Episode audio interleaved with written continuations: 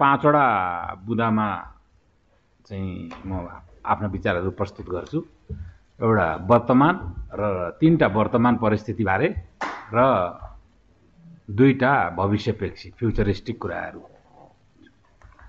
यो इम्प्लिमेन्टेसनको जुन अब चुनौतीको कुरा गर्नुभयो अलिक अब ज्ञानेन्द्रजी म र हाम्रो प्रकाशजी तिनजना चाहिँ अब इम्प्लिमेन्टेसन गर्दा गर्दा हाम्रो उमेर अनुसार चाहिँ अलिकति अब प्रौढ भइयो।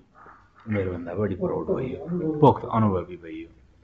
यसमा हामीहरूलाई जुन प्रब्लमहरू आउँछन् बेसिकल्ली प्रब्लम एउटा सबभन्दा ठुलो प्रब्लम प्रब्लम हो कन्ट्राडिक्टरी लजको म्यानेज गर्न नेपालमा। एउटा लले दिन्छ अर्काले रोक्छ।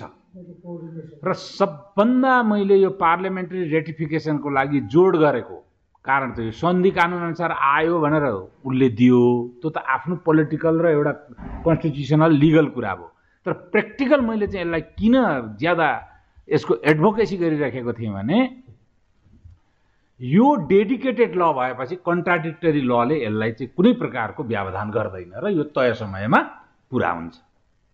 सबभन्दा महत्त्वपूर्ण यो अब यो डेडिकेटेड ल भएको हुनाले यसलाई त कन्ट्राडिक्टरी लको समस्या अब नपर्ला भन्ने मलाई लाग्छ। र दोस्रो के छ भने अर्को सबभन्दा समस्या के भने लोकल एनआरकी हो।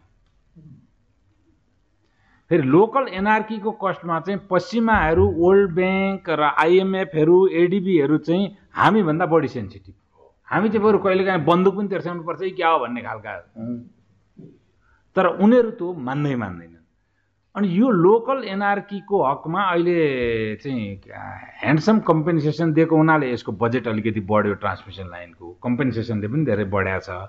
कम्पेन्सेसन राम्रो पाइएको अवस्था। त त्यो कम्पेन्सेसन लिएन भने त्यो जग्गा त्यतिमा बेच्नका लागि अरू बिस पच्चिस वर्ष पर्खिनुपर्ने परिस्थिति छ अहिले।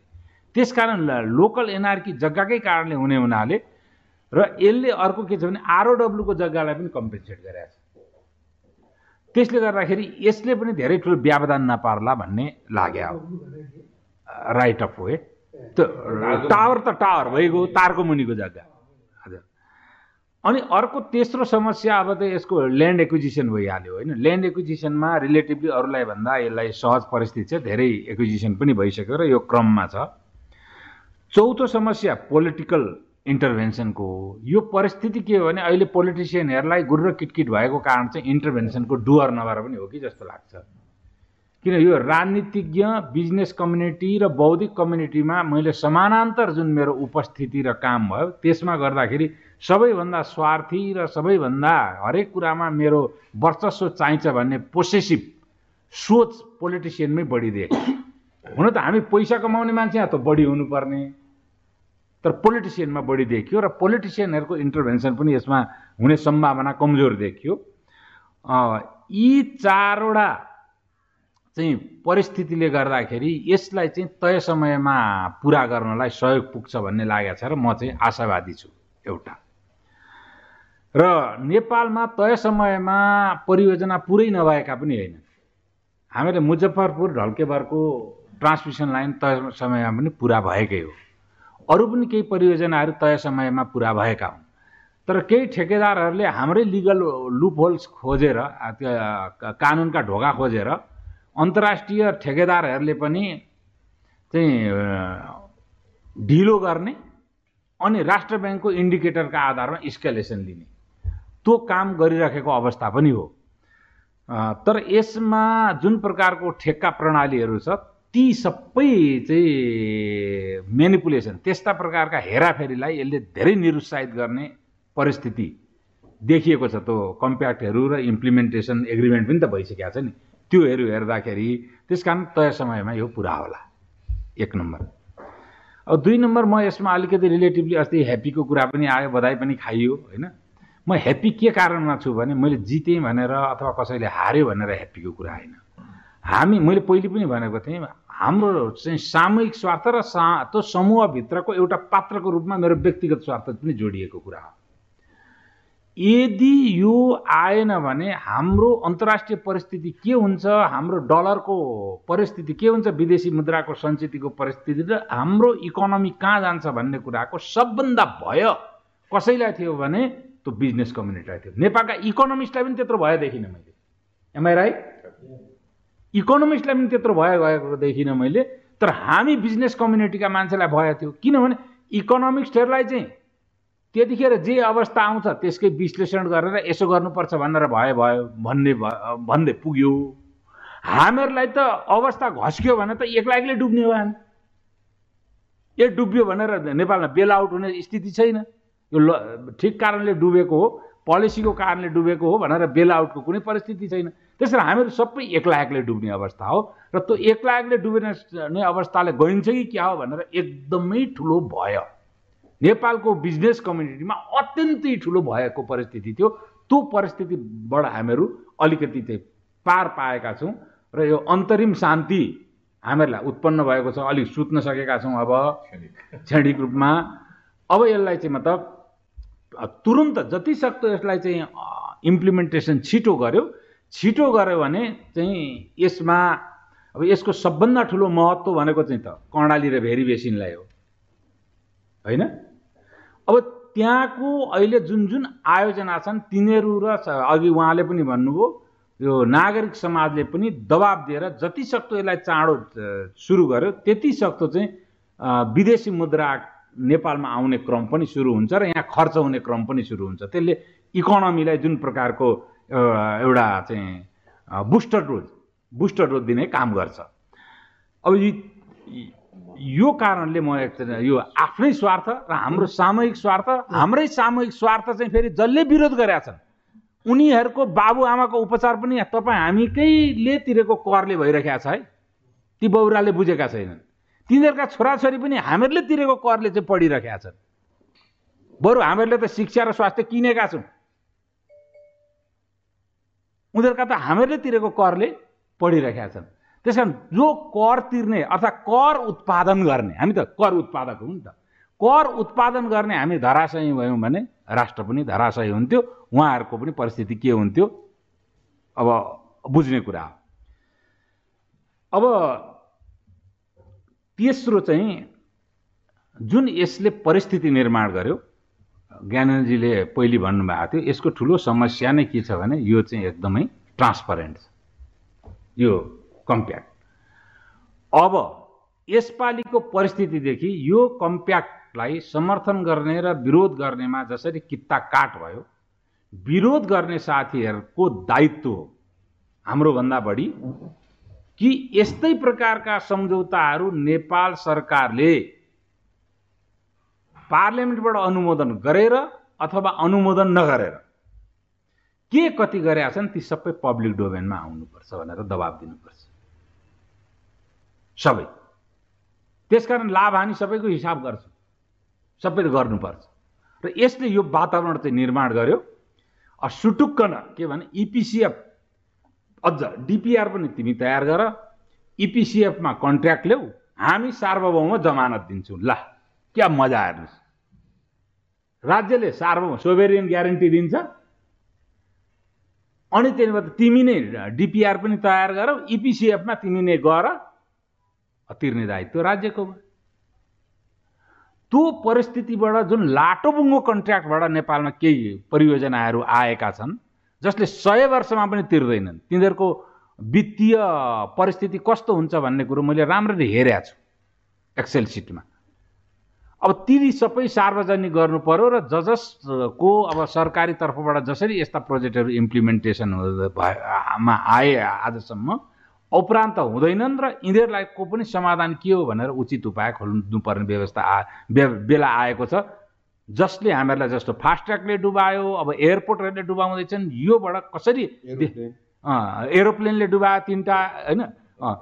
कसरी रेस्क्यु गर्ने भन्ने एउटा चाहिँ राजनैतिक प्राविधिक र नैतिक दबाव निर्माण भएको छ। यस पछाडि यो तिन नम्बर। अब म भविष्यपेक्षी कुरा गर्छु। अब यो सबभन्दा धेरै चाहिँ म त विरोध चाहिँ भीमरावजीले गर्नुभयो। यो परियोजना आउँदाखेरि साँच्चै भन्ने हो भने पाँच नम्बर प्रदेशलाई चाहिँ ट्रान्समिसन लाइन मात्रै जाने हो। त्यो ट्रान्समिसन लाइन मात्रै जानु भने चाहिँ खासै ठुलो उपलब्धि होइन। त्यहाँ। त्यसले कर पनि निर्माण गर्दैन केही पनि निर्माण गर्दैन। तर सबै यसको परियोजनाहरू चाहिँ भेरी र कर्णाली बेसिनमा आउँछन्। र सबभन्दा बढी जिल्लाको कुरा गर्नुहुन्छ भने कालीकोट दैलेख सुर्खेत र अछाम जिल्ला सबभन्दा बढी लाभान्वित। यसबाट सबभन्दा बढी लाभान्वित। अब यसले तिला एक र तिला दुई दस वर्षदेखि विपरजाले जेनेरेसन लाइसेन्स लिएर बसिया छ त्यो ट्रान्समिसन लाइन पुग्दैन। कति आठ सय साठी मेगावाटको पा प्रोजेक्ट पाल्न द दस वर्ष कति पीडा भएको छ मान्छेलाई? अरबौँ रुपियाँ गएको छ हेर्नुहोस्। त्यो पीडा जसले लगानी गर्छ लगानी नगरिकन बुरुक बुरुक उफ्रिनलाई थाहा हुन्छ यो पीडा? हामीहरूलाई थाहा छ नि पैसा गएको पीडा। अनि त्यो प्रोजेक्टहरू त्यहाँदेखि तल अब सरकारकै छ फुकोट कर्णाली अब त्यो लावारिस भएर बसिरहेको छ ट्रान्समिसन लाइन छैन चार सय मेगावट केमा हुन? एक सय बत्तिसमा यो लान सकिँदैन चार सय मेगावट। फुकोट कर्णाली सरकारसितै छ। त्यस पछाडि तलतिर आएर कर्णाली बेतानमा हेर्नुहोस्। कर्णाली होइन त्यो त सबभन्दा माथिबाट आउँदैछ तल। होइन बुटोलबाट आउँछ। त्यो चाहिँ त सबभन्दा पहिले यो ट्रान्समिसन लाइनमा आएर जोडिन्छ। यो ट्रान्समिसन लाइनमा आएर जोडिन्छ जो अत्तरियाको छेउछाउ कहाँ छ प्रकाशजी? यसको अन्तिम पोइन्ट अत अत्तरियाको छेउछाउ आएर जोडिन्छ। अनि त्यसपछि आएर कर्णाली बेतानमा हेर्नु सबै कुरा कम्प्लिट भइसकेको छ छ सय मेगावटको कर्णाली बेतान। त्यहाँ त सञ्चय कोषले पनि इक्विटीमा लगानी गरेका छ भनेको हरेक सञ्चय कोषको सञ्चयकर्ताको पैसा गएको छ त्यहाँ। यसैले त्यो चुप लागेर बस्नु परेको छ। अप्पर कर्णाली त्यो जिएमआरको आफ्नो पीडा छ हेर्नुहोस्। कति वर्ष भइसक्यो पालेको? हरेक वर्ष मेगावाटको हिसाबले नौ नौ करोड त उसले हरेक वर्ष मेगावाटको एक लाखको हिसाबले राजस्व मात्रै बुझाउनुपर्छ त्यसलाई। चुप्प लागेर पाल्न पनि वर्षको नौ करोड राजस्व बुझाउनुपर्छ सरकारले। अप्पर कर्णालीले। अब गरौँ के गर्नु? उयो केपी ओलीले भने जस्तो ट्रकमा हालेर लान मिल्दैन बिजुली। ट्रान्समिसन लाइन बनाउँछु भन्दा मिर्ची लागिहाल्छ। त्यो परियोजना पनि सुरु हुने परिस्थिति आयो। Seti river six. र यति परियोजनालाई चाहिँ अब तुरुन्तै एक्सपेडाइट गरेर यसको ब्याकवर्ड इन्ट्रिगेसन फेरि हामीहरूले सुरु गर्नु यो ता यो उपयुक्त त्यो प्लानिङ नभएर के हो भने अब तारै तार हुने स्थिति भइसक्यो फेरि पाहाडमा पनि। गर्नु पर्यो तिला दुइटै लिएर आएर फुकोट कर्णालीसित तिला र उसको दोभानमा। अहिले नै सुरु गर्नु पर्यो। त्यहाँबाट तल आएर अप्पर कर्णालीको पावर हाउस छेउमा तिनीहरूलाई ल्याएर जोड्नु पर्यो कर्णाली बेतानसहित अनि सेती रिभर सिक्सलाई कर्णाली बेतानमा ल्याएर जोड्नु पर्यो। यसरी एकर्सालाई इन्टिग्रेट गरेर अब कम्तीमा पनि चाहिँ ओ के अरे अप अप्पर कर्णालीको जहाँ पावर हुन्छ त्यहाँबाट तल चाहिँ सामूहिक रूपमा लिएर आउने प्रक्रिया पनि अब तुरुन्तै फेसिलिटेट गरेन भने फेरि यसको चाहिँ कम्प्लिट होला माथिबाट लिएर आउन त्यतिकै। किनभने ट्रान्समिसन लाउन लाइन बनाउन अत्यन्तै कठिन कुरा हो। र यी जो परियोजना मैले भनिरहेको छु यी सबै परियोजना अछाम दैलेख कालीकोट यिनै जिल्लाहरू सुर्खेतमा बन्ने हुन्। र त्यो ठाउँको नेता नै यस्तो उग्र भएर भाँड्छ भने त्यो ठाउँका जनताले त्यो नेतालाई कसरी सहन्छन् होला? म त अब हेर्नुहोस् मेरो कम्पनीको सिएसआर प्रयोग गरेर भए पनि अछामका जनतालाई त म यो एजुकेसन दिएरै छोड्छु यो शिक्षा दिएरै छोड्छु। यसले के र तिमीलाई फाइदा हुन्छ भनेर? र धेरै साथीहरूलाई त्यो अनुरोध पनि गर्छु म। सिएसआर चाहिँ म त प्रयोग गरेर भए पनि हामी ती वरिपरिको ठाउँमा एजुकेट गरौँ। अनि त्यो यस्तो आत्मघाती जनता यो त त्यसैले मैले भने यो जनता जनताप्रतिको अपराध हो र राष्ट्रद्रोह त्यसै भनेको होइन।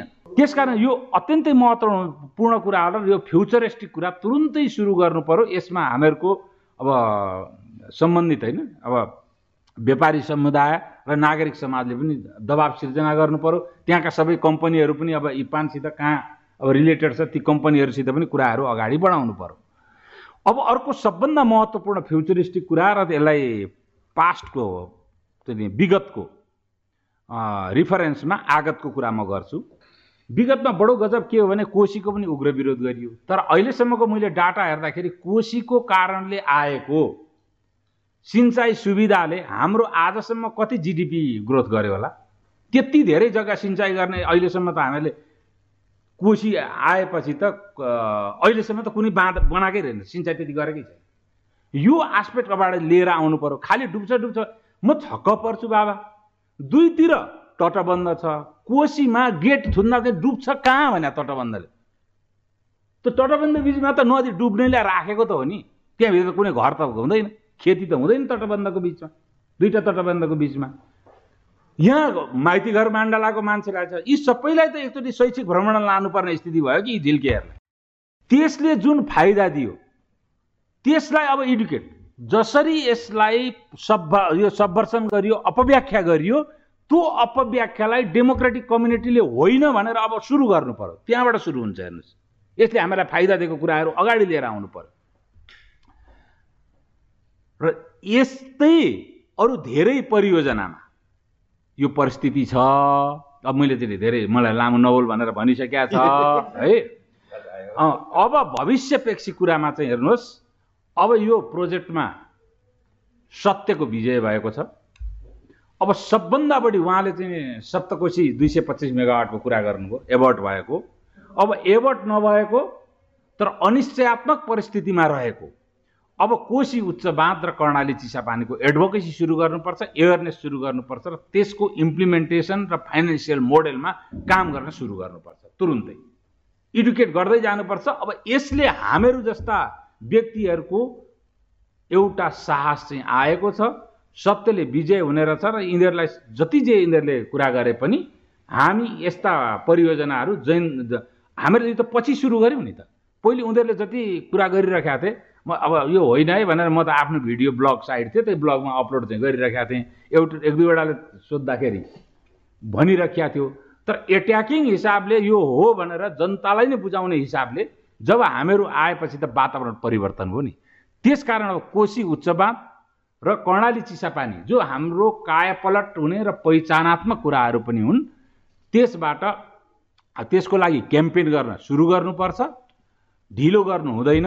अब यस यो चाहिँ एकदम सकारात्मक सकारात्मक कुराको सर्वप्रथम विजय भएको छ। दुई हजार आठ सालमा मातृका बाबुले गौचरमा गौचर हवाई अड्डा बनाउँदादेखि हामीहरूको विकासको विरोध सुरु भएको। त्यहाँदेखि अघि एउटा नयाँ कुरो उहाँले ल्याउनु भयो। के अरे अमेरिकाले के सहायता दिँदाखेरि पनि आएको। हजुर? टेक्निकल एसिस्टेन्ट दिँदाखेरि पनि आयो। त्यसपछि कोशी बाँधमा आयो त्यो कुरा। नेपालमा सिँचाइ र त्रिशुली देवीघाट जसो कम्पेन्सेसनमा आयो त्यहाँदेखि अनवरत रूपमा पृथ्वी राजमार्ग र कोदारी राजमार्ग नेपालको यो चक्रपथ बाहेक वामपन्थीले विरोध नगरेको कुनै परियोजनै रह्यो यो कुरालाई अब चाहिँ एकदमै नङ्ग्याउनु पर्छ र अब वामपन्थी भएर पनि सपना देखाउने पानी जहाजको सपना देखाउन त आखिर केपी ओलीले देखाउनु भयो नि त। पानी जहाजको सपना भने उहाँहरूले त राखेकै थियो। मतलब मलाई त्यहाँ म लाइक एक किसिमको कन्सल्टेसन पनि गरिएको थियो। कोशी उच्च बाँध मार्फत समुद्रसम्म जलयातायात विकास गरिनेछ भनेर राखेको थियो एमाले घोषणापत्रमा। तर माओवादीसित संयुक्त घोषणापत्रमा चाहिँ जारी गर्दाखेरि अहिलेको एघार बुँदेको जस्तो कुरा गरियो त्यतिखेर। के भन्यो भने कोसी हटाइयो उच्चवाद मार्फत समुद्रसम्म जलयातायात विकास गर्न सकिनेछ भनेर लेखियो हेर्नुहोस्। योभन्दा अगाडिको चाहिँ एमाले र माओवादीको घोषणापत्र हेर्नु भने त्यो प्रष्ट लेखिएको छ त। अब के भने त बुढी गण्डकी उच्च बाँधबाट त समुद्रसम्म जलयातायात हुँदैन क्यारे त्यो त कोसी बाहेक अर्को हामीसित विकल्प छैन। र यी सबै कुरामा एकचोटि केपी ओलीजीले बोल्नुभयो तर यति ठुलो चाहिँ मतलब सडकीय सञ्जालीय र सञ्चारीय दबाब भयो कि त्यो सलकपुरमा एकचोटि बढेपछि चटक्कै बोल्न छोड्नुभयो। उहाँ उहाँ जस्तो मान्छे पनि दबाबमा पर्नुभयो। भनेपछि अब यसपालि त दबाबको बिचमा पनि हामीहरू उब्रेका छौँ। अब दबाबमा नपरिकन एडुकेट गर्न सुरु गरौँ। अब हामी राइट ट्र्याकमा छौँ र यसले ढिलो चाँडो हामीहरूलाई एउटा सम्पन्नताको अध्यायमा अगाडि बढाउनेछ भन्ने मलाई लाग्छ। धन्यवाद।